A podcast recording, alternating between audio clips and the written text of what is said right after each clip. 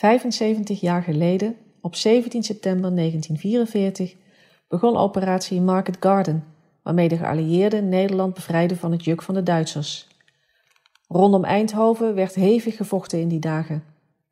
De 36-jarige Piet Bauma woonde in Eindhoven, aan het Franklinplein, samen met zijn vrouw Tine en hun dochtertjes Emmy en Irene.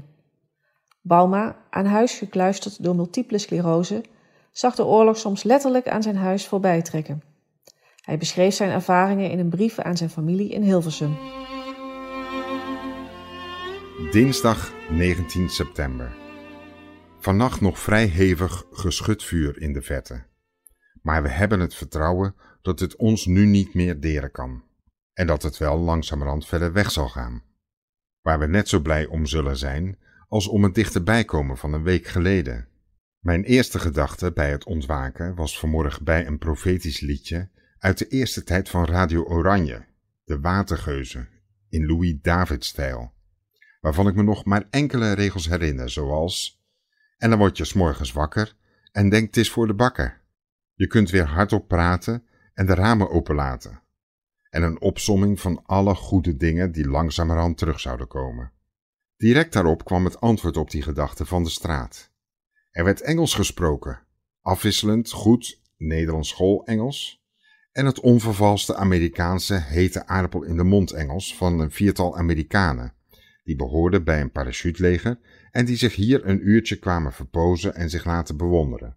Iedereen drukte ze de hand en trachtte Engels te spreken en kwam met kleine geschenkjes en versnaperingen aandragen. Men had ze graag eens lekker willen verwennen, maar dat viel niet mee, aangezien zij alles natuurlijk veel beter gewend zijn dan wij. Een van hen had nog zijn radiotoestel bij zich, dat ze direct na de landing gebruiken.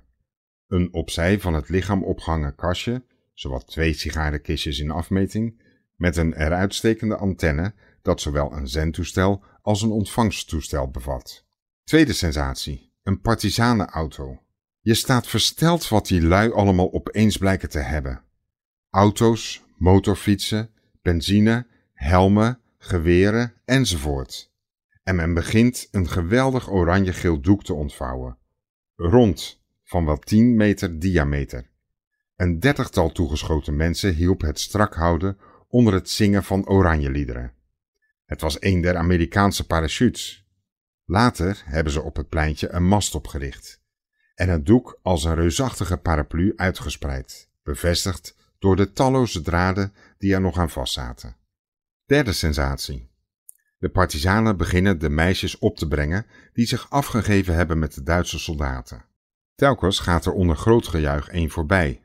Ze zeggen dat een NSB-kapper gedwongen wordt om ze netjes kaal te knippen. De feeststemming is niet zo uitbundig als gistermiddag. Toen zat er nog een belangrijk deel spanning en ontlading van zenuwen in. Nu is het wat rustiger. Iedereen kijkt innig vergenoegd.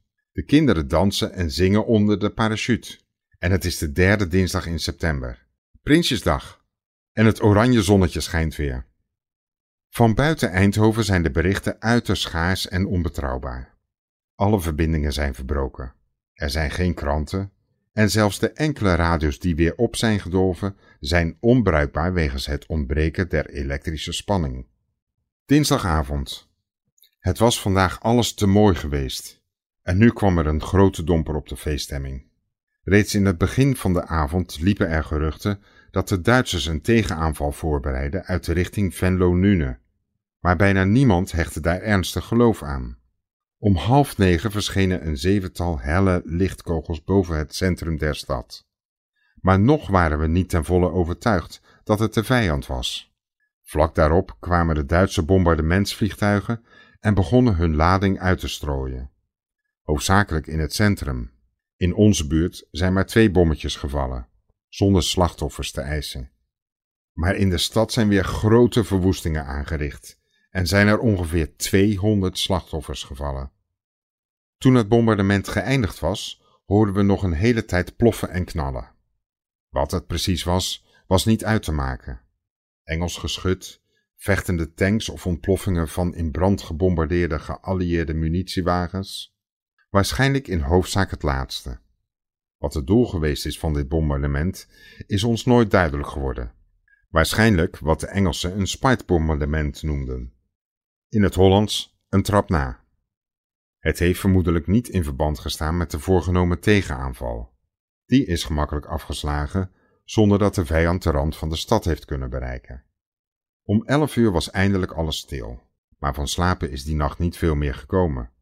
De schrik en de vrees voor wat er nog komen zou, zat er nog te diep in.